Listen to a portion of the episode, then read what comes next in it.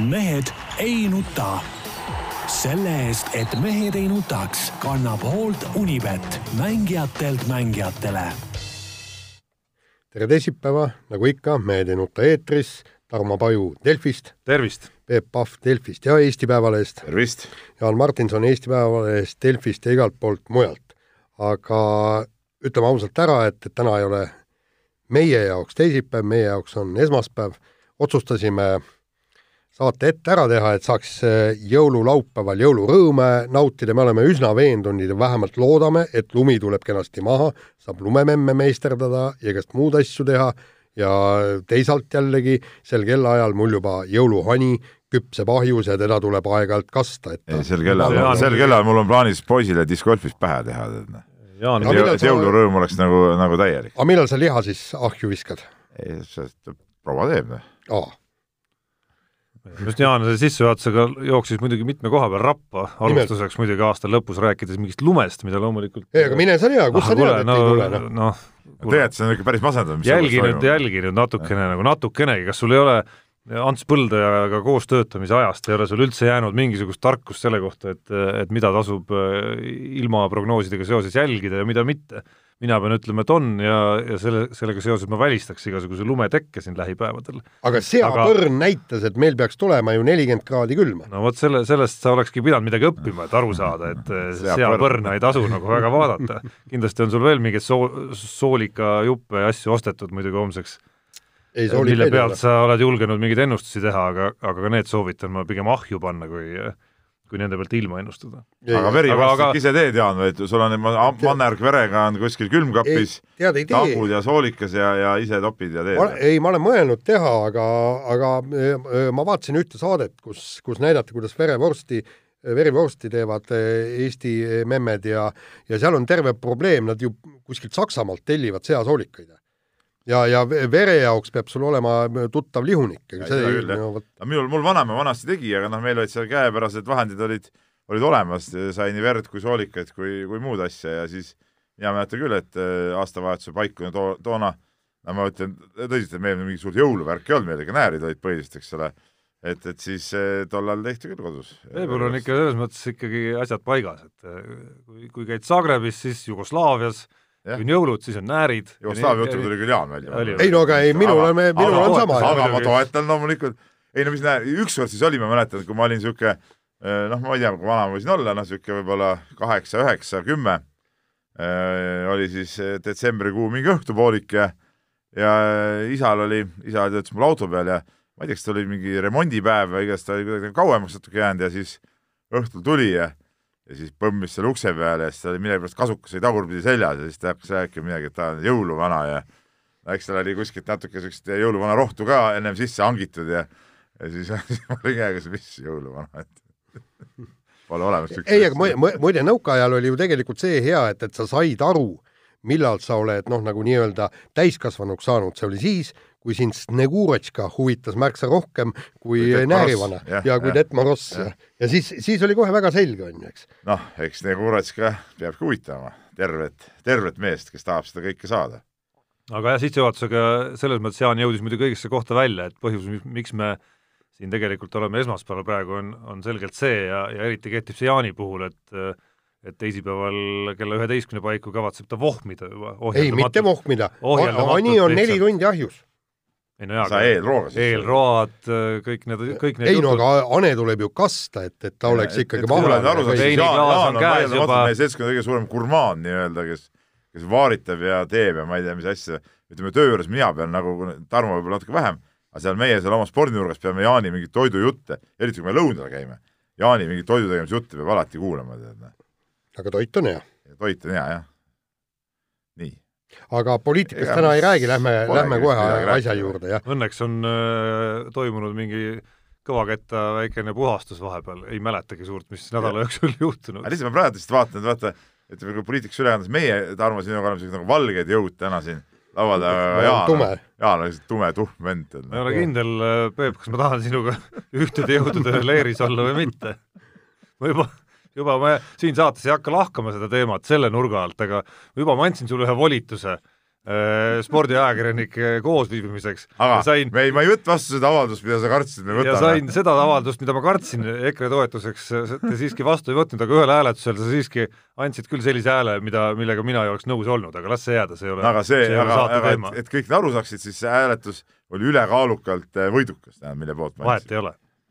peale selle, kuule, mina olen selle ühingu juhatuse kõige staažikam ja vanem liige, nii et, et nii nagu mina ütlen, nii on õige. vot, sellepärast ma ma vist pean võtma selle, mul on üks sinine kampsik ka seal, et ma pean selle ikkagi selga panema oh, ma panengi, kusjuures sa võid hakata sisse juhatama. jah, ei, aga kuna ma esindan siin tumedaid jõude Jaan siis... viskab pluusi maha, nüüd tuleb minu teeri. ei, ma olen all on valge ihuga valge ihuga.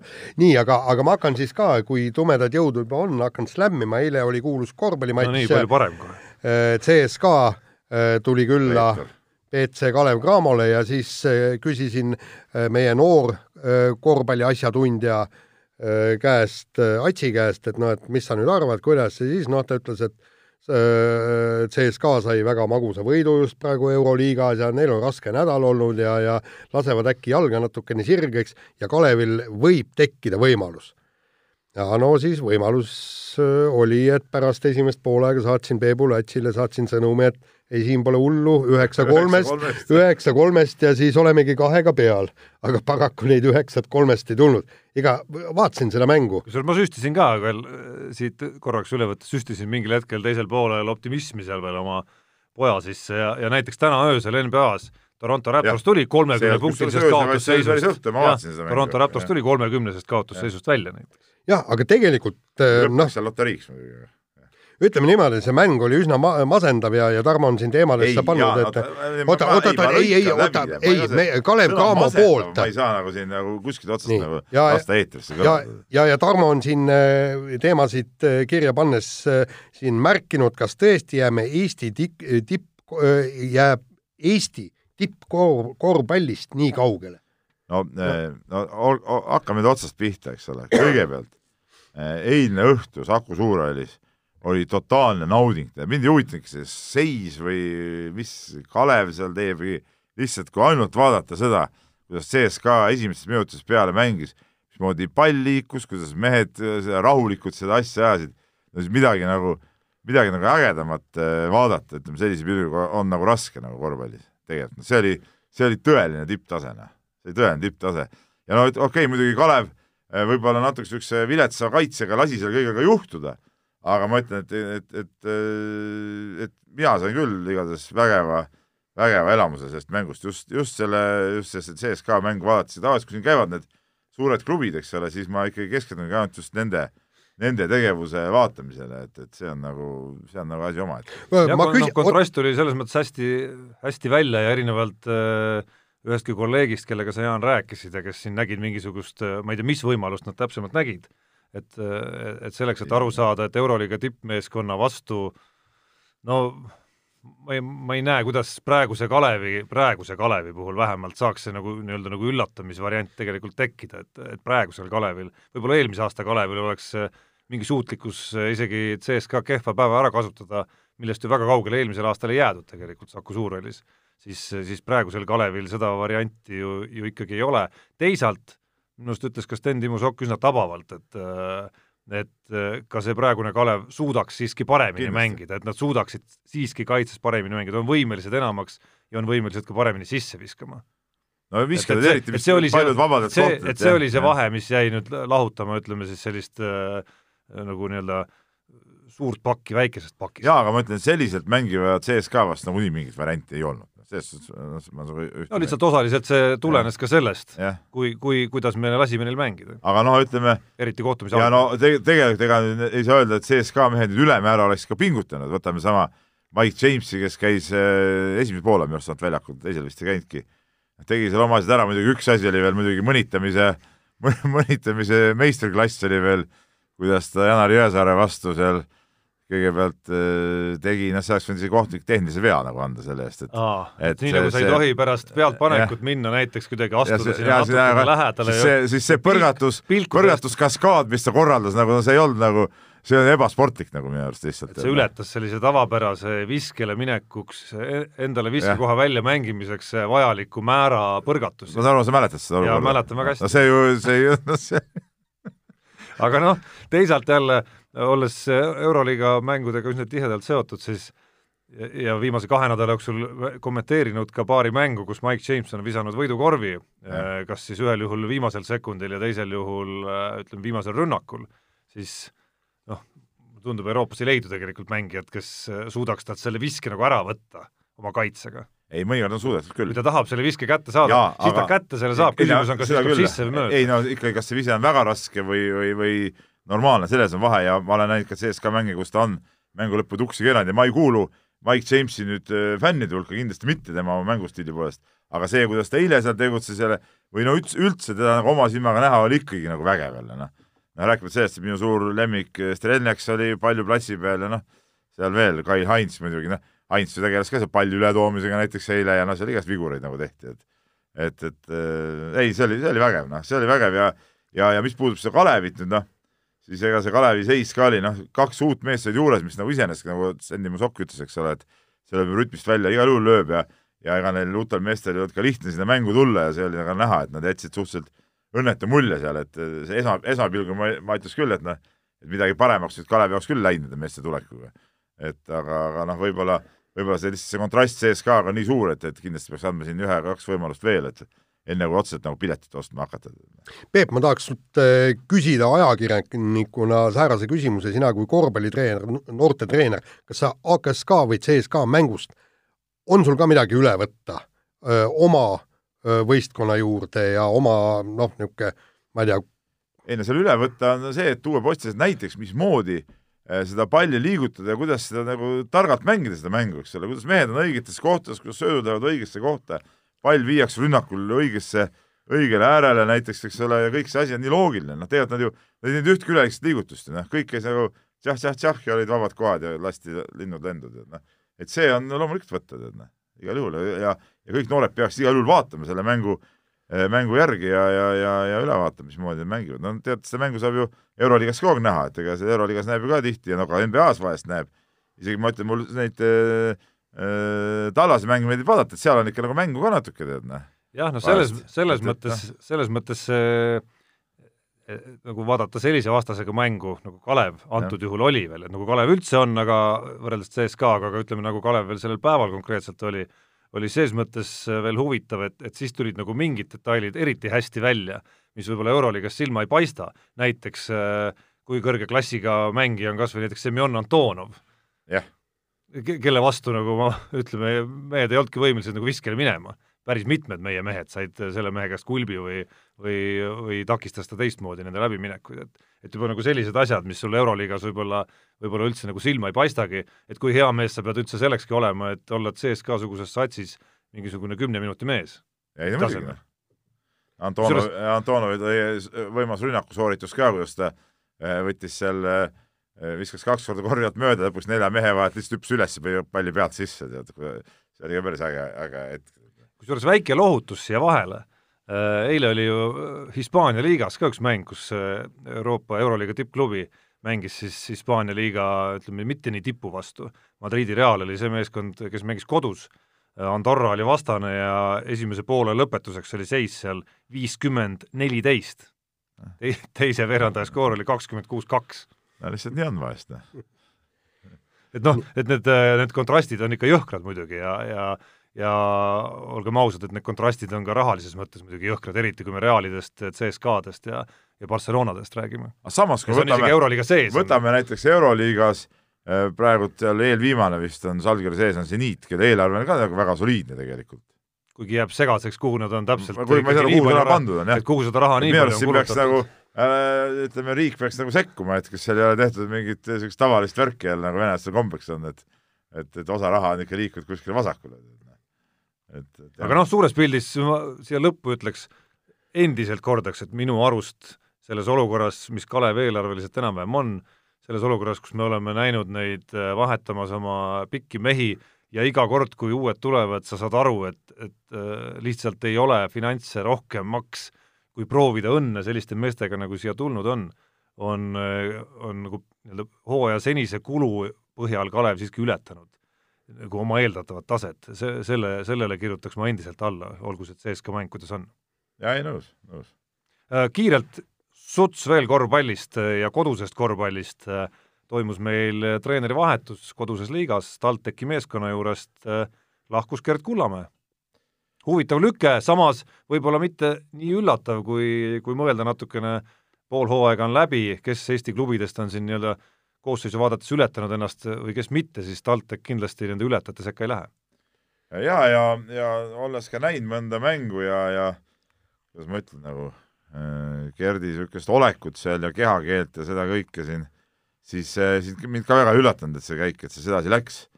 Et äh, pigem üllatas nii, et, et see seis selliseks üldse muutus tegelikult, noh, mulle tundus nagu kui, kui Gert sinna äh, Äh, TalTechi läks, siis ta oli nagu entusiasmi täis tegelikult, et, et kõvasti seal teha ja ma mäletan suvel siin, see oligi noh, peale eelmise hooaja lõppu, kui me siin nagu rääkisime ja see variant seal tekkis, siis ta oli küll nagu, et oli nagu, ootas seda väljakutset, aga tegelikult kuidagi see nagu asi ei hakanud seal jooksma ja ja, ja eks siin üht-teist on, on kuulda olnud, aga no eks las see, las see jääb rohkem nagu võistkonna sisse, ma arvan, seal, mis seal tegelikult oli, aga aga igatahes noh, kuidagi ei klappinud need asjad. no üks väga imelik asi, millest on äh, rohkem räägitud kuluaarides, aga natukene siiski ka avalikult, on see Hiina turnee, mida TalTechi meeskond äh, noh, sel ajal tegi, kui tegelikult hooaeg, päris hooaeg juba lahti läks siin Eesti-Läti liigas. et osaliselt sõitis vist sisse isegi, igatahes hooajaeelset ettevalmistust äh, ilmselgelt mingil määral häiris see. Jah, ja see, see oli väga veider lüke. mulle tundus ka see Hiinas käik suhteliselt kummaline, niisuguseid asju võib teha tavaliselt peale hooaja lõppu, aga aga mitte, mitte enne hooaega, et kindlasti oma, oma hääle jättis seal võistkonnale ja, ja ja eriti see Tiina turniir, ta polnud nagu võib-olla nii õnnestunud ka, nad ei saanud seal korralt vist trenni teha, mängisid sisuliselt ühe vastase kogu aeg ja noh, ütleme sealt juba hakkas see asi kuidagi murenema vist. aga noh, nüüd on huvitav vaadata, Kris Killing, noor mees peatreenerina, et, et kuidas ta välja veab, noh, ma eeldaks, et seal ikkagi ikkagi mingi abi talle tuuakse juurde ka, et, et, et, et päris, päris nii võib-olla see ei jää, et, et peale seda on esiliiga meeskond kõvenda, ma ei tea, kuidas nad asja jagama hakkavad. et aga no huvitav käik igal juhul. nii.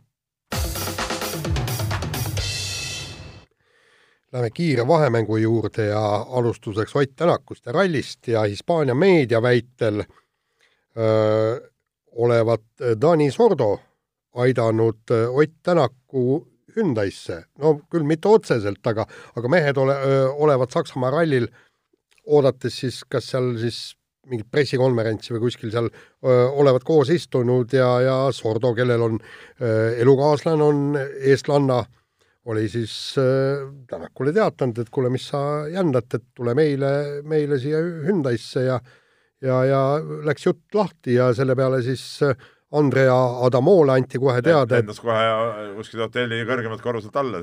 just, aga, aga, aga, aga kusjuures tüüpiline Adamo muidugi, et ta, ta ongi selline vend, et ja sealt hakkasid kõik asjad hargnema. kas nüüd asi päris nii oli, noh, raske öelda, aga, aga story'na on ilus. Story on ilus mingi, mul on kuri kahtlus, et mingisugune tõepõhi on seal ikka all, et noh mingid asjad seal tõesti võisid, võisid niimoodi liikuda ja, ja ollagi no.. no mingi asi sellest tundub siiski no, natuke nagu, no natukene ja. nagu absurdne selles mõttes, et et nagu Adam Mool enne poleks niisugust mõtet tekkinudki, kui Sordo ta äkitselt seltskonda kutsus. jah ma tegelikult, päris aus olla, siis ma Oti käest püüdsin ka välja uurida, et kas see vastas tõele või mitte, no ta igatahes ta selget vastust ei andnud, aga, aga ta andis mõista, et see päris nii ikkagi need asjad muidugi ei, ei käinud. no ma arvan, et selleks hetkeks, mida Sordo kirjeldas, olid ajakirjanikud juba Adamolt küsinud kordi mitu, et ja. kuidas selle Tänakuga siis ikkagi on.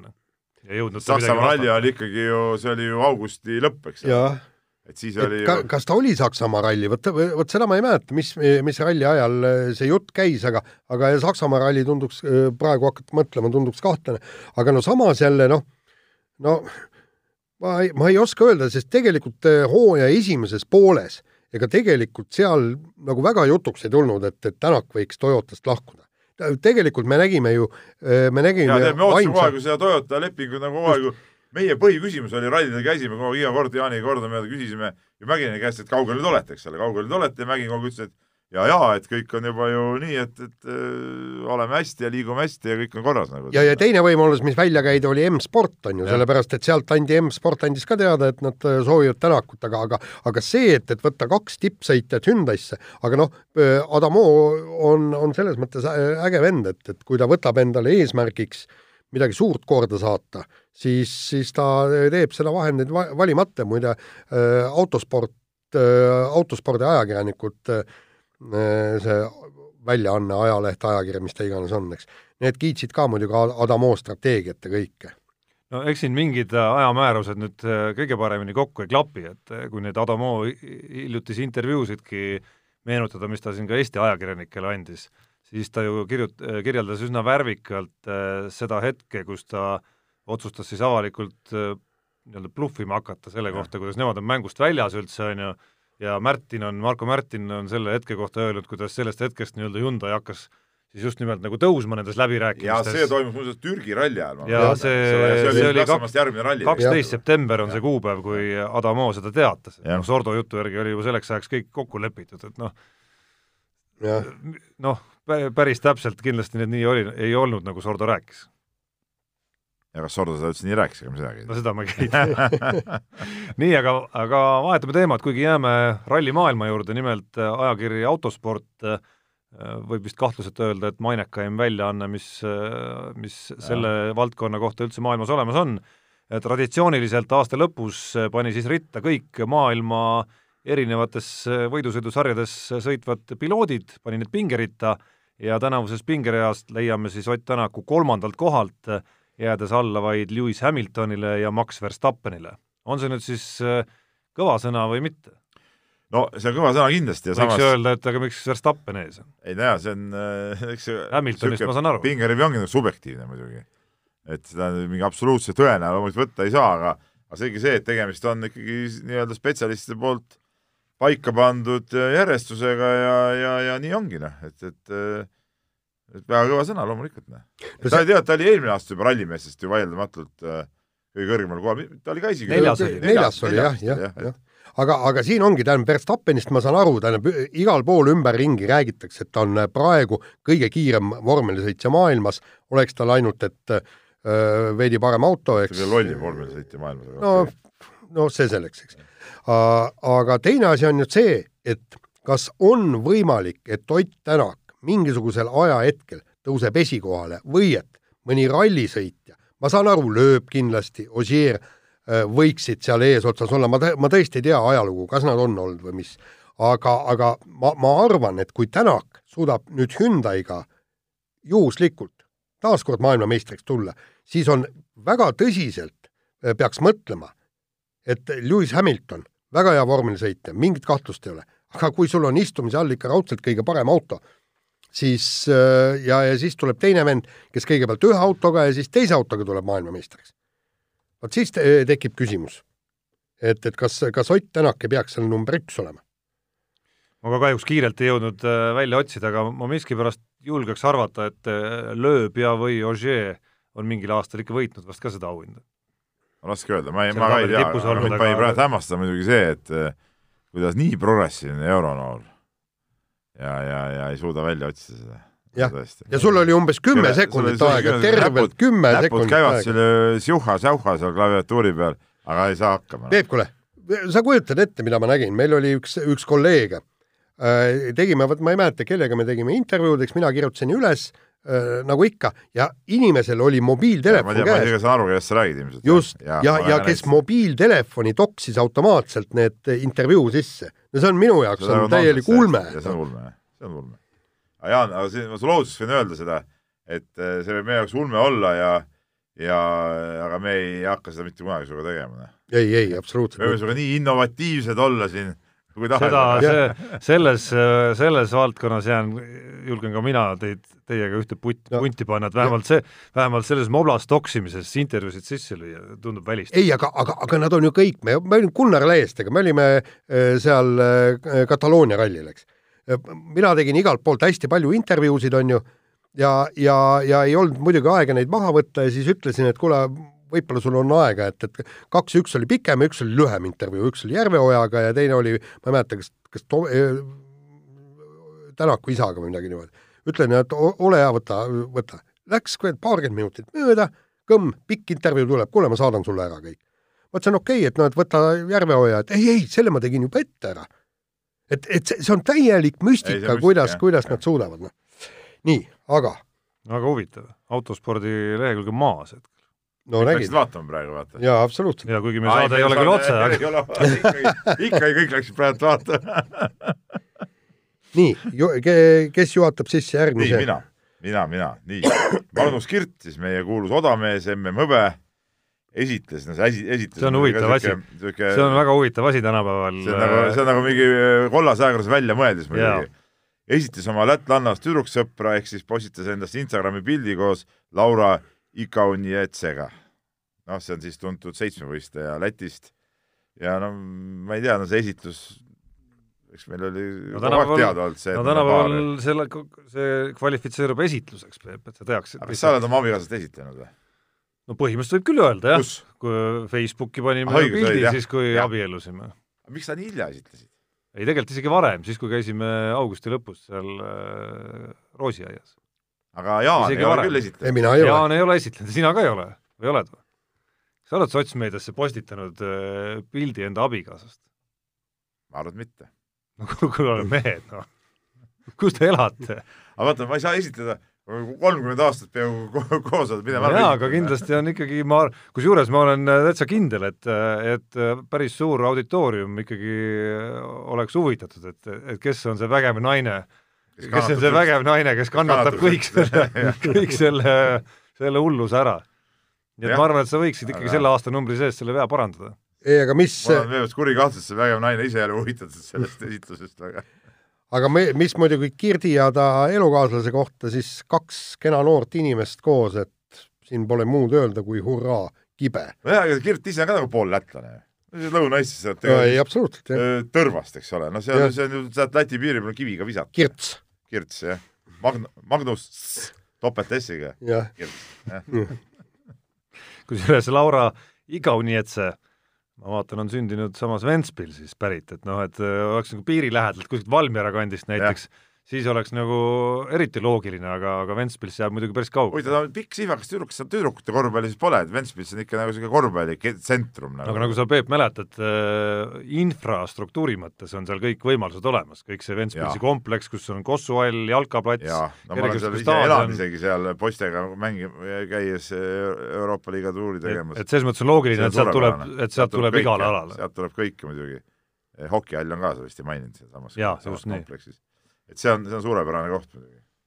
nii, aga järgmine teema ja kaheksateistaastane Georgi Dunjov üllatus-üllatus, pääses Itaalia meistriliigas platsile ja temast sai siis kolmas Eesti jalgpallur, kes on viies suuremas suurliigas, vähemalt neist ühes ametlikus kohtumises kaasa löönud ja mis minu jaoks on natukene huvitav, oli see, et et meil on öö, hästi palju kirjutatud nagu teistest kõik noortest, vaata kui meil öö, noh, läksid need noored vennad kuhugi, ma ei tea, sinna, mis nad kõik olid, ma, mul ei tule isegi nende nimed muidugi. ma jooksin praegu Jaa, kokku, eks Jaan, millest sa räägid praegu? ja, ja, ja siis neid kõiki esitleti meile, vot, et tuleviku täht ja vaat kui suur vend ja tuleviku lootus ja, ja sealt hakkab varsti tulema kõik mängijaid ja ja kõik, eks Mattias Käidid ja kõik, eks, kes sinna ainu, ainuüksi see, et kui ta sinna kooli läks, oli juba suur kõmu.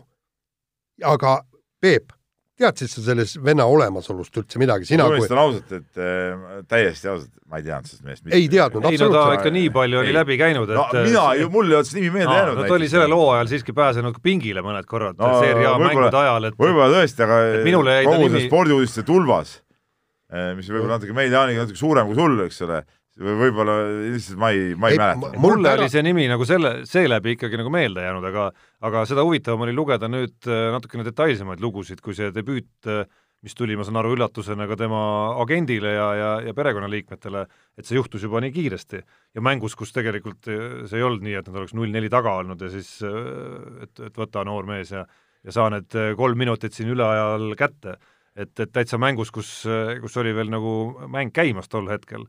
Et, et, et nüüd nagu lugeda natukene rohkem temast ka, nagu me meie enda hetke väljaandes saime, oli, oli päris huvitav, et Narva poiss siis ja ja, ja noh, väga kõvasti arenenud seal kogu, kogu oldud aja jooksul, et huvitav osa seisab nüüd muidugi ees siis, et, et, et mis saab sellest klubist edasi, hetkel on ta nii-öelda väljalangemise noh, ütleme siis Itaalia meistriliigast väljalangejate seas, mis personaalses plaanis muidugi võib hoopis tähendada head talle, ehk siis seda, et ta võib-olla siis Serie B-s hakkab tänu sellele päris palju mänguaega järgmine aasta saama. jaa, aga minu jaoks oli ka veel kummaline just äh, äh, meie lehe artiklis oli see, et, et kui, kui öeldi, et noh, et, et praegu muidugi Eesti koondisse te, isegi noh, ei vaata, et toome ta võib-olla U kakskümmend üks koondisse sedakaudu, come on, kuulge inimesed, teda ei pandud Serie A-s platsile lihtsalt sellepärast, et ta on, ta on Eestist pärit kena poiss, kellel on sinised silmad on, eks. et, et järelikult temas midagi nähakse, midagi peitub, ma ei räägi, et ta peaks Eesti koondises platsile sooma, aga see, et, et kutsuda treening kogunemistele ja, ja, ja, ja see on elementaarne. no minu meelest oleks see elementaarne, jah. palju meil on neid vendasid, kes siis Serie A-s on platsile saanud, noh? aga see, see ikkagi, noh, puudub ka selge arusaam võib-olla ikkagi noh, tema reaalsest tasemest. no aga reaalne tase on see, et ta lubati väljakule Itaalia liigas. ma räägin, no see peab olema, peaks olema kvaliteedimärk juba. absoluutselt. teatud kvaliteedi.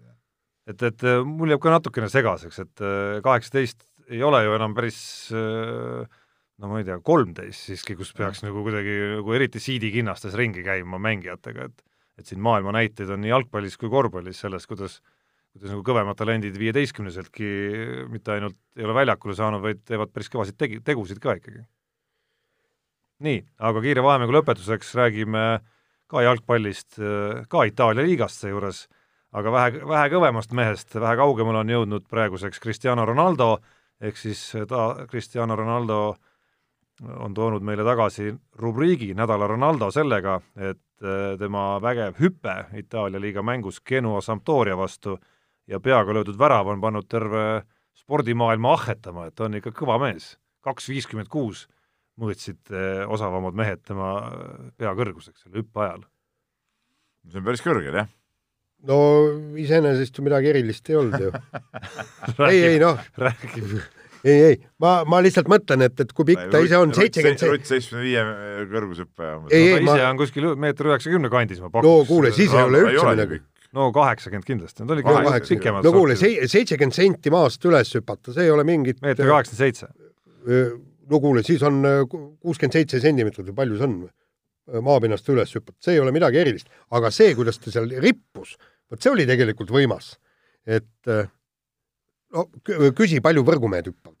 ei no selle, see ongi see vahe, Jaan, et Cristiano Oota. Ronaldo ei ole võrkpallur. kuule, aga, aga vahe on ka selles, et Cristiano Ronaldo, vot millest on vähe räägitud ja, ja, ja tegelikult no siit-sealt äh, saab ju kuulda, et nii meeletut füüsilist trenni ei tee maailmas mitte ükski jalgpallur, vähemalt nii, nii väidetakse. kui me vaatame kõik tema kõhulihased, värgid, särgid, kõik, me oleme näinud mõningaid niisuguseid treeningvideosid, treeningklippe. no see on ju legendaarne nali, kunagi siin saates ju räägitud ka, et mingid äh, meeskonnakaaslased ei tahtnud talle külla enam minna, sest äh, lootuses, et äh, saab grillida natukene ja basseini ääres peesitada, sai külla mindud ja siis ühel hetkel Ronaldo tuli jutuga, et kuule, et nüüd võiks minna mul sellelt saali trenni tegema jah, et, et selle puhul ei ole mitte mingit imet, vaata kui heas vormis ta on, ta on küllaltki kerge, eks tal ei ole massi, küljes on ju võrreldes korvpalluritega on ju pilte, kus NBA korvpallurid hüppavad ikka peaga ju rõngasse tegelikult ja rõnga teadupärast üle kolme. jah, kolmkümmend. kolmkümmend üheksa no ei, ütleme, ma ütlen, siin on see vahe, et ja, jalgpalluri ja, jaoks ei, ei, on see aru. siiski nagu üks väga paljudest äh, nii-öelda füüsilistest omadustest, mis ei hakka seal Ronaldot siin nüüd üle push ima, ma arvan. ja kui tal nii hea hüpe on, miks ta väravvahiks ei hakka oleks Robinsonaadiga nurkadest palle ära toonud. Robinsonaad on põhiasi. no ühesõnaga jõudsime ikkagi sinna, kus, kus pidi, pidi jõudma, et teiega võrreldes Ronaldo ma ise ikkagi... omal ajal olen ka võtnud võimsate Robinsonaatidega palle ja ma tuletaks siinkohal meelde ka seda, kus ma selle penaldi seotki Robinsonaadiga sealt välja koukisin sealt nurgast ka võimsa hüppega niimoodi, see oligi niimoodi, et jalad tõukasid ära, eks ole, keha niimoodi kaardus ja siis käsi puudutas seal palliga juures maad, siis jalad olid all ja keha oli vibus niimoodi kooksis, mäletad see penalt, mis lõi aksa? just see kirjeldus vääriks täitsa Tallinna Tehnikaülikooli teadlastele edastamist ja, ja nii nagu kunagi kellaviske puhul, mäletad, teadlased eh, üritasid siis nagu välja selgitada, kas see, kas see oli nagu füüsikaseaduste järgi üldse võimalik. sisse visata küll tegelikult, nüüd on nagu selgelt et samamoodi võiks praegu selle kirjelduse mina usun, et, et Riho Soonikul oli õigus. ainult see vibu osa oli väga kahtlane, Peep. ei, miks väga kahtlane. lase külli. Unibetis saab tasuta vaadata aastas enam kui viiekümne tuhande mängu otseülekannet. seda isegi mobiilis ja tahvelarvutis. Unibet, mängijatelt mängijatele. nii, Tarmo, Unibeti rubriik. no ma küsin esmalt ikka teie käest. võin omalt poolt öelda, et sain, sain õnnega pooleks küll, aga sain ree peale tagasi selles mõttes, et, et kergitasin oma summa üle kahesaja viiekümne euro jälle, ikka Euroliiga oli, aga see õnn, millest ma räägin, seisnes selles, et üks, mul oli kolmikpanus, millest üks osaline oli olümpiaakose koduvõit, kellega nad mängisid seal Himki vastu. ja viima-, see, see võit tuli siis läbi selle, et Normaale viimasel minutil tuldi üheksapunktilisest kaotusseisust välja, tabades kolm kolme punkti viset ja lisaajal siis võideti, nii et tõstan mütsi Vassilis Panulise ja, ja teiste seal oli kaitse, viimane kolm, mis pani see kaitse magas lihtsalt, ei astunud üldse välja talle sinna peale. Noh. mina tõstan mütsi. mis teil vastu panna? no äh, mina väike tõst... langus. oleme lõpusirgel. väike langus. ei, no minu, minul on ka, ma tõstan ka mütsi, panen varna ja jalutan minema, sest minu pangaarve on tühi.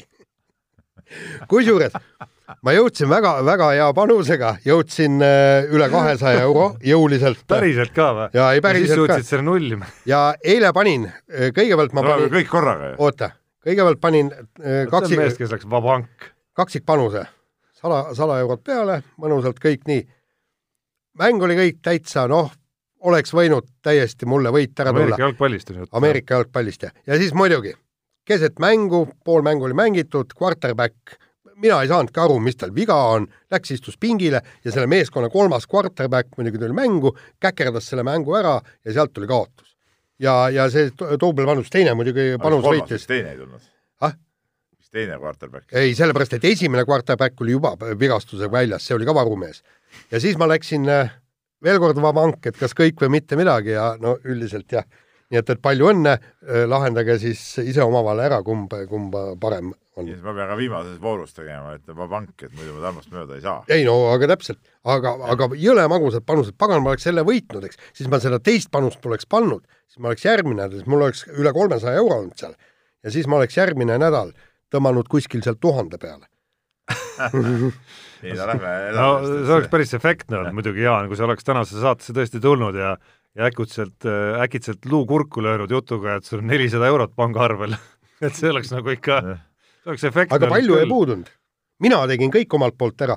pagan ta. pagan, et võistkond vedas alt. no ei, no täpselt. no me. quarterback vedas alt. absoluutselt. sa võiksid kahjunõude vaata, Ameerikas on ju lihtne anda kõike kohtusse, sa võiks mingi kahjunõude esitada. vend pärast istub näidata, näidati, ma saan aru, et, et kui ta oleks seal kanderaamidega ära viidud või midagi. vend istub seal varumängijate pingil, nokib nina seal ja kõik, justkui midagi viga ei oleks ja keerab mul kuradi kogu värgi pekki. no nii, aga uue nädala panused, kuna me ei ole ka otse-eetris praegu, vaid teeme saadet ette, siis on taaskord ikkagi tegemisel ja sisse on antud kaks palvet. üks puudutab ja selles osas ma ei ole päris kindel ei olnud ka meie sõbrad Unibetis päris kindlad, kas nad äh, selle, sellega ikka päriselt hakkama saavad, oli siis äh, kodused laskesuusa meistrivõistlused on tulemas. ma ei tea, kas ikka toimub või? vot see, noh, see oht on ka veel, aga Tehvandil iseenesest saab sõita küll praegu suuska. ei, ei suuska saab, aga kas tiiru välja läheb rada, ma ei ole päris kindel selles praegu. no ühesõnaga noh, siis, siis langeb see nagunii ära, naiste sprindil oleks olnud päris huvitav võitjat ennustada. jaa, ei seda küll, jah. aga teine puudutab korvpalli, BC Kalev Cramo on minemas Eesti-Läti liigas turneele Lätti ja tahaks panna seal, äh, kombineerida kokku siis selle, et äh, kahe mängu peale tullakse sealt ka ilma kaotuseta tagasi. üks neist on Ventspilsi vastu. üks neist on Ventspilsi vastu, jah. et ei ole mingi jalutuskäik äh, seal ees ootamas Kalevit. nii. nii, aga lähme kirjade rubriigi juurde, kirju on palju nagu alati, hakkame siit, muuseas palju kirju on tulnud ka ühe teemal, millest me, mida me lahkame saate lõpus, mis puudutab siis spordiajakirjanike valit-, valikut aasta meessportlase osas, Ott Tänaku teemat, väga palju kirju on sel teemal, aga me neid praegu siin kirjade rubriigis ette ei võta, kuna see teema meil nagunii teemaks on, aga Janek kirjutab, et tal on kaks küsimust äh, Peebule ehk siis mulle.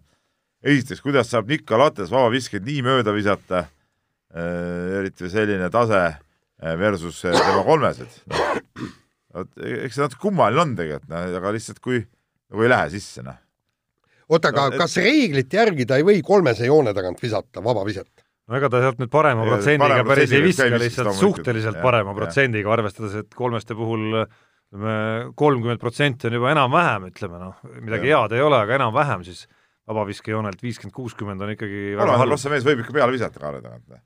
et, et, et nii on jah, et, et äh, ma ei oska sellele küsimusele tegelikult vastata, et et äh, vaba vise eeldab mingit niisugust erilisse äh, seisundisse minekut ja, ja, ja mõned mehed lihtsalt ei saa sellega nagu hakkama kuidagi, liiga vabalt või liiga, liiga lihtne vise või kuidas selle kohta öeldakse mõnikord. aga teine küsimus on, on huvitavam, et äh, küsib seda, et kui platsil olev viisik saab pasaga kokku, siis tüüpiliselt sõimatakse pinki, et küsitakse, mis sellest kasu on sellest on see kasu, et kui pingimees platsile läheb, siis nad teavad, et niisugust asja ei tohi teha, noh. väga lihtne, see on esiteks. teiseks, kuskil tuleb see emotsioon maha ju laadida, aga need mängijad seal platsil nagunii ei kuule, kui sa nendele midagi karjutad, noh.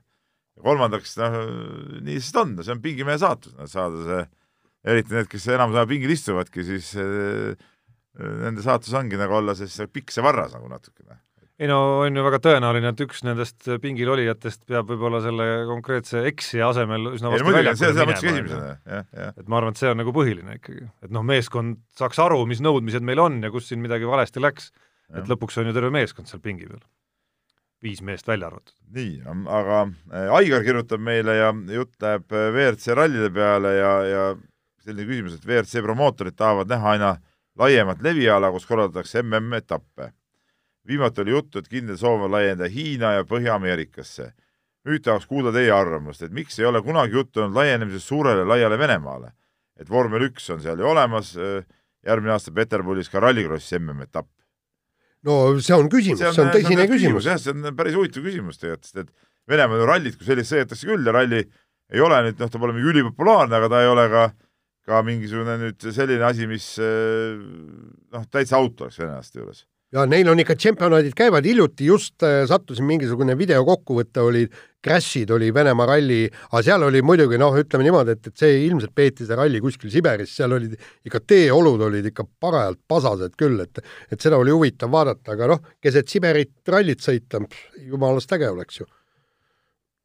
nii, aga nüüd on üks pikem kiri äh, Team Estonia teemal, millest me siin, Team Estonia rahastamise teemal, millest me eelmises saates ka rääkisime ja ja, ja, ja jutt oli selles, me nagu kiitsime siin praegust äh, valitsust, isegi Tarmo oli, oli seda meelt, et see valitsus on ühe asja nagu hästi teinud, ehk siis on spordi jaoks raha leidnud, aga siin tuuakse meile äh, nagu näitena, et, et tegelikult see, see pisku, mis antakse siin, kolm miljonit vist oli praegu, on, on ju kõigest üks osa sellest rahast, mis äh,, mis antakse siis jalgpallihallide ehitusele, kuhu läheb kuus miljonit, et noh, et siin tegelikult pro proportsioonid on, on ju paigast ära ja, ja kas see, kas see ütleme, raha selline jagamine on ikka mõistlik?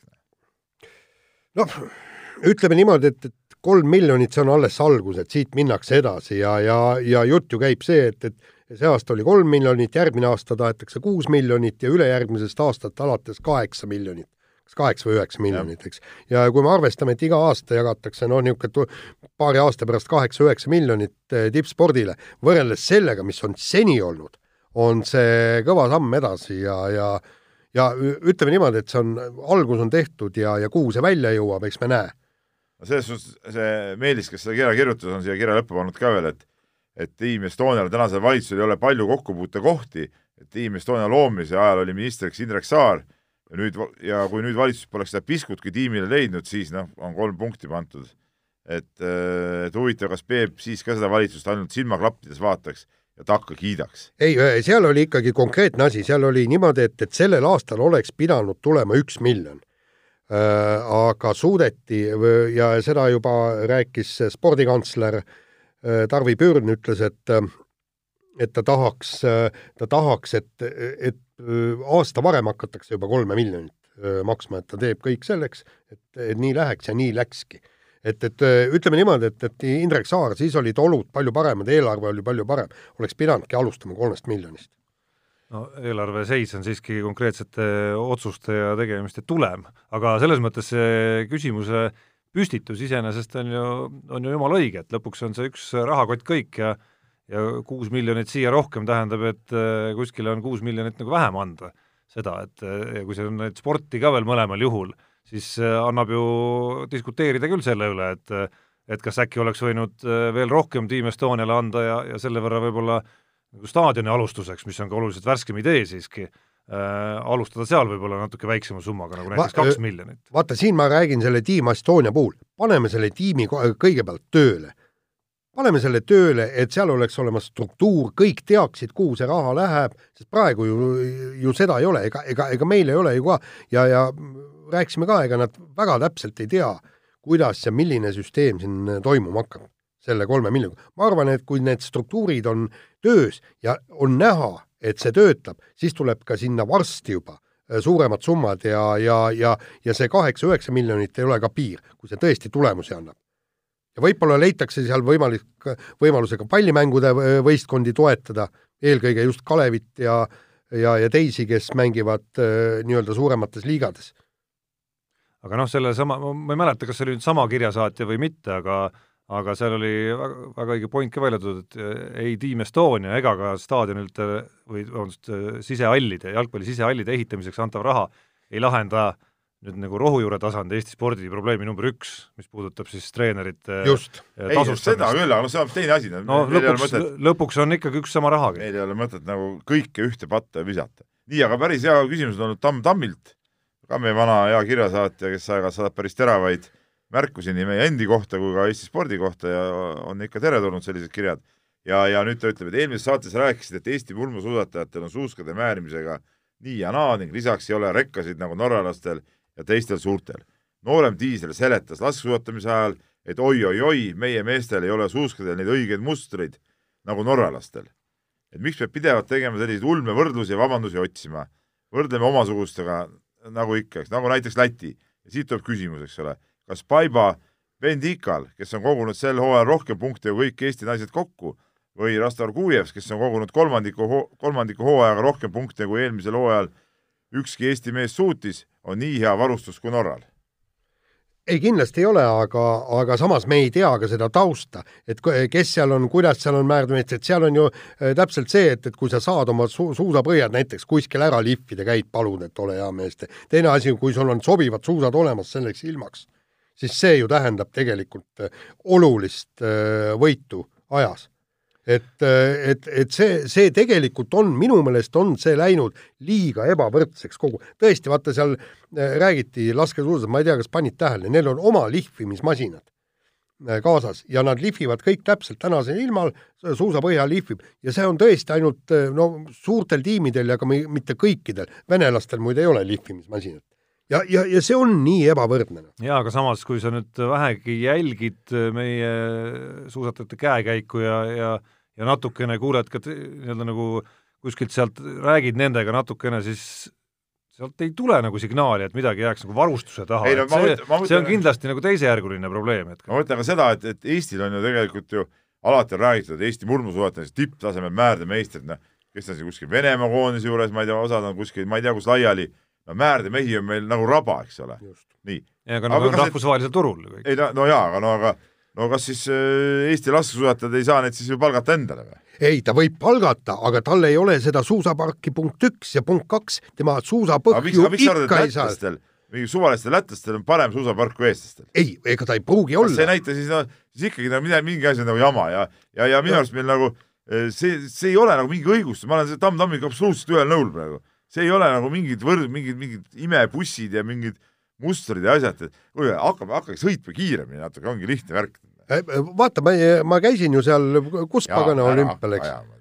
Äh, see oli Sotši olümpia no,. siis, no see ei, oot-oot-oot, no. ja, ja siis ju see, kes see oli lätlasest tre, treener. jälle Läti koondise peatreener tagasi. no just täpselt ja, ja nagu ta ütles, et kuulge, kallid inimesed, et me sõidame Beldonini suuskadega, et nendega me kaotame minuti. aga praegu ei sõida keegi Beldonini suuskadega. no jaa, aga noh, okei okay.. kusjuures sel ajal, Jaan äh, nii mõnigi koondislane sõitis tegelikult päris hästi.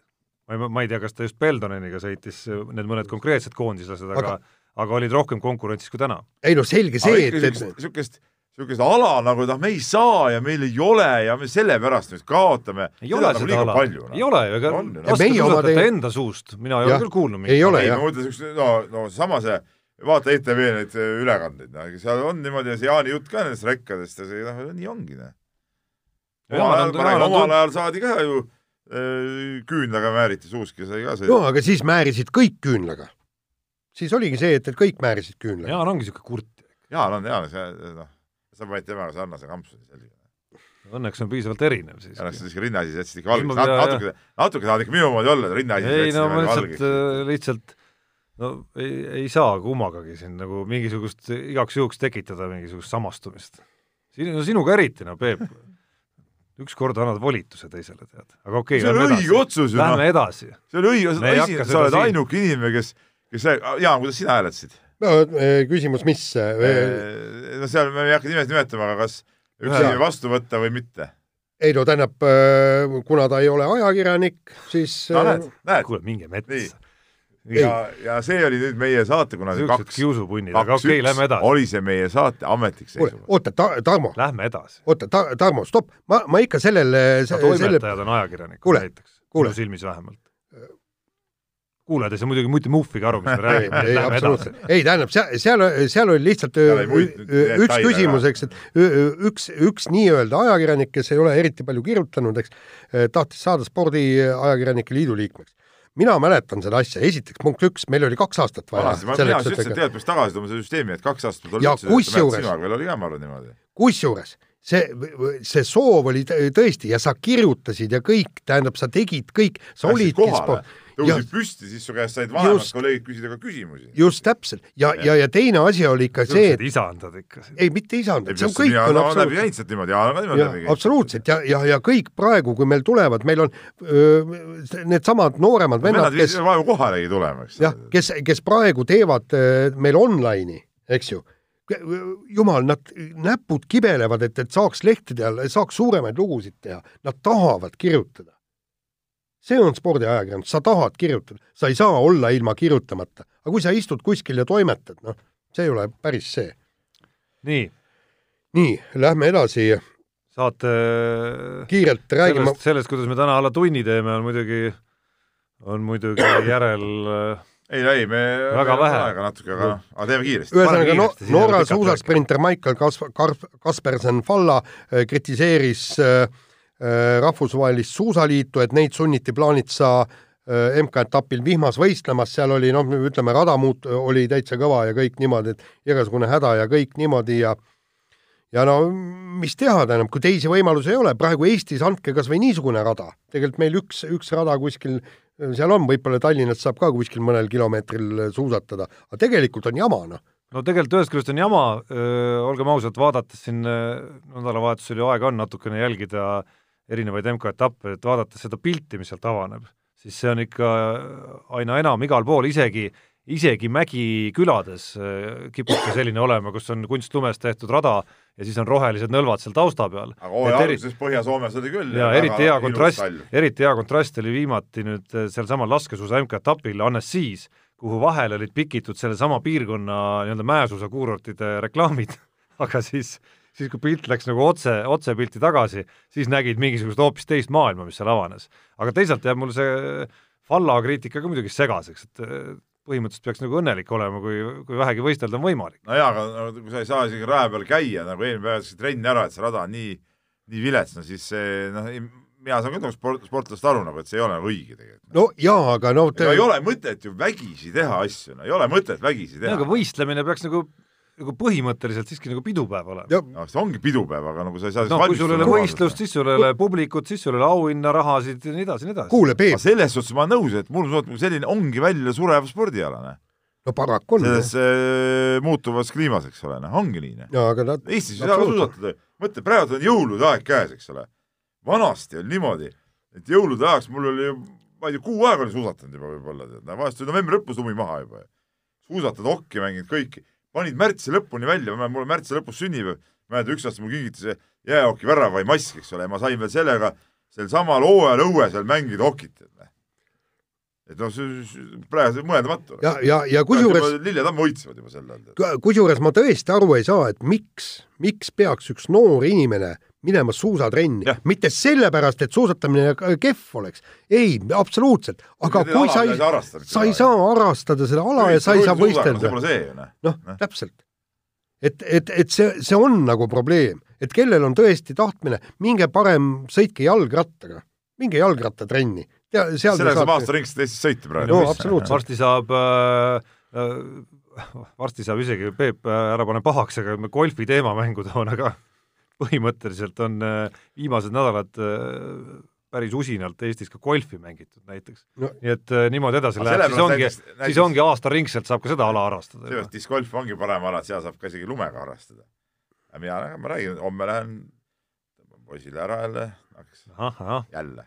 ma kusjuures ei saa välistada et saan homme suusad alla, ma olen Pärnusse Jõulumäel Jõulumäel on väike ring, ma tean. ühe koma nelja kilomeetrine rada. ma nägin televiisorist seda. ma lähen tuletan meelde. see on nii üle rahvastatud, et seal see, seal on ju iga meetri kohta on viis inimest umbes, ma arvan. ma ei usu, jõululaupäeval. noh, jõulumäe kuule, seal teevad seda jõulumehed teevad saanisõitu seal, ai saa kell, ai saa kell, trallallallala no. siis ma hüüan lihtsalt kõigile, kuidas Rada. öeldakse, rada, Rada. ja, kui ei lähe ära, siis- mööda. ei, kui eest ära edasi, kepiga selga, kepiga. aga kuule, aga oota, mis, mis laulud, laulud meil Nääri ajal on, on sul midagi meeles või? oota, kuule, Nääri all oli, oota, ei, ei, oota, kas Aisa kell ei olnud ka? viiskümmend viis minutit on Ei. täis. meil metsas sirgus kuuseke. kuidagi on niimoodi oli jah. vahetame teemat, Madis Kalvet kirjutas äh, ütleme, intrigeeriva loo, intrigeeriva loo sellest, et kas oleme jõudnud äh, sinnamaani, kus peaks väikse debati maha pidama, kumb on Eesti kõigi aegade parim jalgpallur, kas Mart Poom või Ragnar Klavan, et vaata neid argumente ühelt poolt ja teiselt poolt, kes äh, mis liigades kui palju mängis, mida saavutas äh, ja nii edasi ja nii edasi, ja tundub, et mehed on ikka väga sarnasele, sarnasesse suurusjärku, ütleme, jõudnud sellega, mis karjääri jooksul korda sai saadetud. no minu, minu jaoks niisugused äh, arvamused või, või küsitlused on täiega umbluu alati. mis, kuidas sa võrdled neid või mismoodi sa neid võrdled, noh, see on täiesti mõttetu tegevus tegelikult, noh. ei Peep, miks Ei, mitte? sama hästi okei, sama hästi kui pole on mõtet nagu- aasta sportlasi okei, ka kui- valida. kui on nagu mingid niisugused, ütleme, sportlased nagu näiteks seal, ma ei tea, too võitis karjääri jooksul seitse MM-kulda, see võitis kuus. selge see, et see on parem, kes seitse võitis, no loogiline. aga kui sul ei ole, kumbki pole mitte midagi elus võitnud, siis on nagu ei ole Hollandi meister. ei no okei okay., ma mõtlesin praegu mingeid päris suuri asju, noh. no selles suhtes siis on ju Klaavan parem, ta Hollandi meister, kas Poom oli mingi riigimeister? esiliiga võitsid ühel aastal. jah, no esiliiga on esiliiga, noh. ei no aga Peep, seal see, ma ei tea, kumb on kõvem, kas Inglismaa esiliiga või Hollandi no ikka meistriliiga Hollandi meistriliiga päris, kõvem aga, olema. aga okei okay,, see selleks, aga selles Vähemalt mõttes, ei no ma usun, et ta on ikka kõvem. aga, aga see oli tegelikult väga huvitav, kui Madis enne, kui seda artiklit kirjutas või kirjutamise ajal küsis minult seda. ma ütlesin kohe, mis mõttes, Poom, poom, poom loomulikult, eks. aga, aga siis, kui ta hakkas neid argumente välja, välja tooma, siis kui me paneme kõik need noh, mängitud mängud ja, ja liigad ja kõik need asjad, jah, seal on tõesti Klaavan, aga äh, nagu ma Madisele ka ütlesin, kui meil oleks olemas poolkaitsja, kes annab sööt, väravasööte või ründaja, kes lööb väravaid, siis jah, aga Mart Poom oli ju see vend, kes öö, otsustas mänge, täiesti reaalselt ta tõi võistkonnale võidud ja, ja, ja see oli ju, kunagi oli, ma ei tea, kas praegu ka, aga omal, omal ajal, kui me kõik jalgpalli kirjutasime, siis rääkisime ka, et näed, selles mängus ei päästnud Mart Poom mitte ühtegi, ei päästnud meeskonda. lasi la,, lasi sisse need, mis pallid, mis sisse pidid minema, püüdis kinni need, mis ki- kinni pidi püüdma, aga vaata seda, et noh, nagu üllatuslikult kuskilt Robinsonaadiga nurgast toob selle palli ära, seda ei olnud, eks. aga mõnes mängus jälle oli nii et tema oli see, kes mänge otsustas, aga Klaavan ei otsusta. no minu suurim emotsioon Poomiga pigem tuleb sellest, et noh, tema oli nagu ikkagi nagu teerajaja, et tema oli see, kes kes üldse näitas, et selline asi on võimalik, et on võimalik minna siit äh, maailma tippliigasse, mingil hetkel äh, episoodiliselt ka, ka ütleme noh, maailma tippklubisse, kui me Arsenalist räägime, tõsi, ütleme selles võrdluses lõpuks jääb ta Ragnar Klavanile ja, ja Liverpoolile alla, et mis puudutab seda, et kui palju üks või teine seal siis mängida sai sellisel tasemel klubis, et sealt nagu tuleb Ragnar Klavanile võib-olla kõige rasvasem punkt selles ja. võrdluses äh, üleüldse. et äh, aga noh, lõppkokkuvõttes kuna püssiähvardusel keegi ei saa sundida, siis hetkel ei pea nagu valikut tingimata tegema. aga vaielda annaks, vai-, vaielda oleks päris huvitav. vaielda võib alati, eks ole, aga tervikuna ma ütlen, noh, tegelikult niisugused, see ei anna mitte midagi. noh. ja, ja, ja nüüd meie lõputeema on ka nüüd paras vaidlus, et mis ka ei anna midagi. ja mis ka ei anna, ei vaielda. No piinlik lugu mõnes mõttes. see on väga piinlik lugu. spordi, spordiajakirjanikud ei valinud Ott Tänakut aasta parimaks meessportlaseks, jah.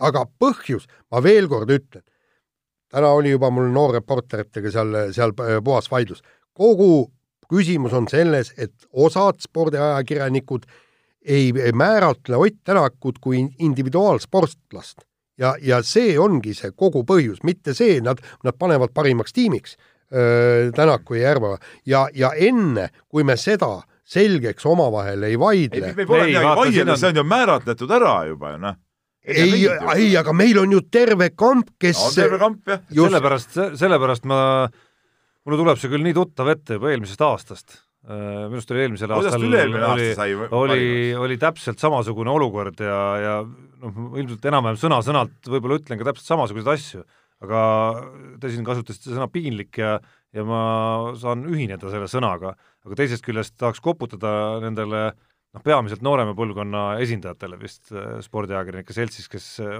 otsustasid nagu eirata seda, seda fakti, et Ott Tänak on ka individuaalsportlasena siiski ka ametlikult Eesti Olümpiakomitee poolt nagu nominendina välja kuulutatud.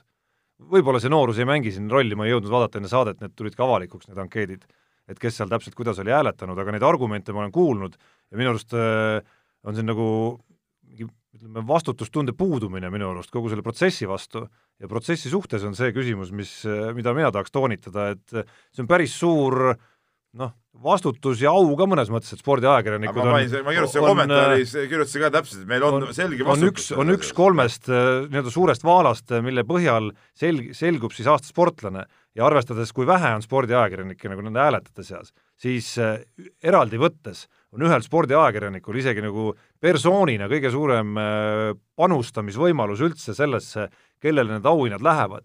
ja seda enam peaks seda vastutust äh, ikkagi nagu tõsiselt võtma. Ja, ja ma ka täna hommikul kuulasin, äh, see tuli siis Vikerraadio hommikusaates tuli jutuks, seesama asi, Juhan Kilumets pärast seda, kui ta oli spordiuudised ära lugenud, jäi sinna siis saatejuhtidega vestlema ja küsiti ka sama asja kohta ja ka tema kasutas seda väljendit. et näete, mina olin ka see, kes ikkagi otsustas, et ta ei ole individuaalsportlane ja jättis ta esiviisikust välja. aga, ja lisas, et võib-olla tõesti oleks vaja see nüüd kuidagi nagu selgeks äh, rääkida või teha. ja ma küsin, et mis mõttes? See on ju selgeks räägitud, ta on seal nominentide seas ja, ja ta... sellega peaks olema nagu sellised ankeedid välistatud, kes jätavad ta sellepärast välja, et ta justkui ikkagi nagu ei ole, et ma arvan ikkagi nagu teistmoodi. kui nii on otsustatud, siis nii jääb. jah, vaata edasi võib vaielda, kas sa pead teda Kirdist paremaks, Uibost paremaks või mitte vaata, Peep, äh, sa, äh, teil oli seal, väitlus oli ju ka Õhtulehes. jah, ma andsin ja. mingi noorreporterile väikse intervjuu sel teemal. jaa, aga, aga, aga seal, selles intervjuus äh, ajakirjanik jättis Ott Järvelalt küsimata üheainsa küsimuse. Järvele tead vastu rääkis. jaa, ei, ei, tähendab, no Järvela rääkis, selgitas, et on võistkonnasportlane. kas Eesti jalgpallur saab olla individuaalselt parim sportlane? no päris paljud nendest äh või päris mitmed nendest, kes nimme jätsid Tänaku sealt välja, olid siiski mõne pallimängija pannud äh, sinnasamma esiviisikusse. ja samas tekib küsimus, kuidas siis nii, miks pallimängija saab olla parim individuaalne sportlane ja Ott Tänak ei saa? kogu aur on läinud Ott Tänaku äh, peale, aga tegelikult minu arust teine absoluutne fopaa oli aga see on teine, aga see on nagu teine asi, eks ole, siin on lihtsalt nagu sa mõtled Rivo Vesikut?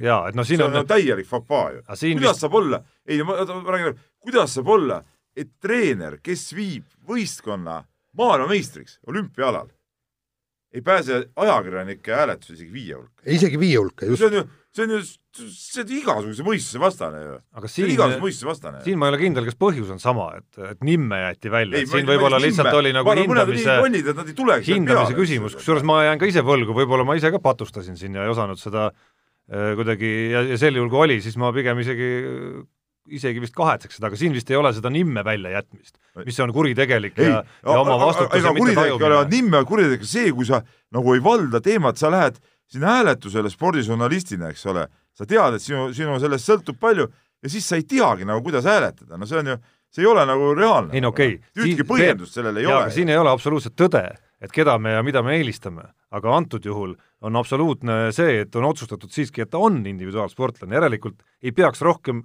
hääletades jaurama selle üle. jah, jah, just, aga, aga ma arvan, et, et see saaga läheb täpselt nii kaua edasi, kui ükskord öö, Ott Tänak pärast võiks ajakirjanikud ära võtta selle, selle nagu vastutuse hääletamisel, sest ajalugu kuidagi kordub ja kordub. ja, ja kusjuures noh, midagi ei ole teha, no samas ei saa ka öelda, et, et ükstapuha, kes Magnus Kirtmaa, Maicel Uibo saab selleks parimat, et, et ta ei oleks väärt seda ei, seda ei saa öelda, aga jätta tõesti hääletamata sellepärast, et ma arvan, et ta ei ole individuaalsportlane. pane ta kolmandaks, ei ole mingit probleemi, pane neljandaks, pane viiendaks. ei ole probleemi. nii. no nii, Jaan saab nüüd minna ette valmistama oma jõuluhane. vohmi, vohmimiskraami. just, just. ja lõpetame sellega saate ja me, millal me nüüd kohtume, mis kuupäeval see on, et ma ei kolmekümne esimene detsember. ja siis on kohe ka esimesel on meil ju aastalõpusaade. aastalõpusaade, jah või uue aasta saade või kuidas seda võtta. seniks nagu ütlevad klassikud, et sulnist jõuluaega jäägu nii. mehed ei nuta. saate tõi sinuni Unibet, mängijatelt mängijatele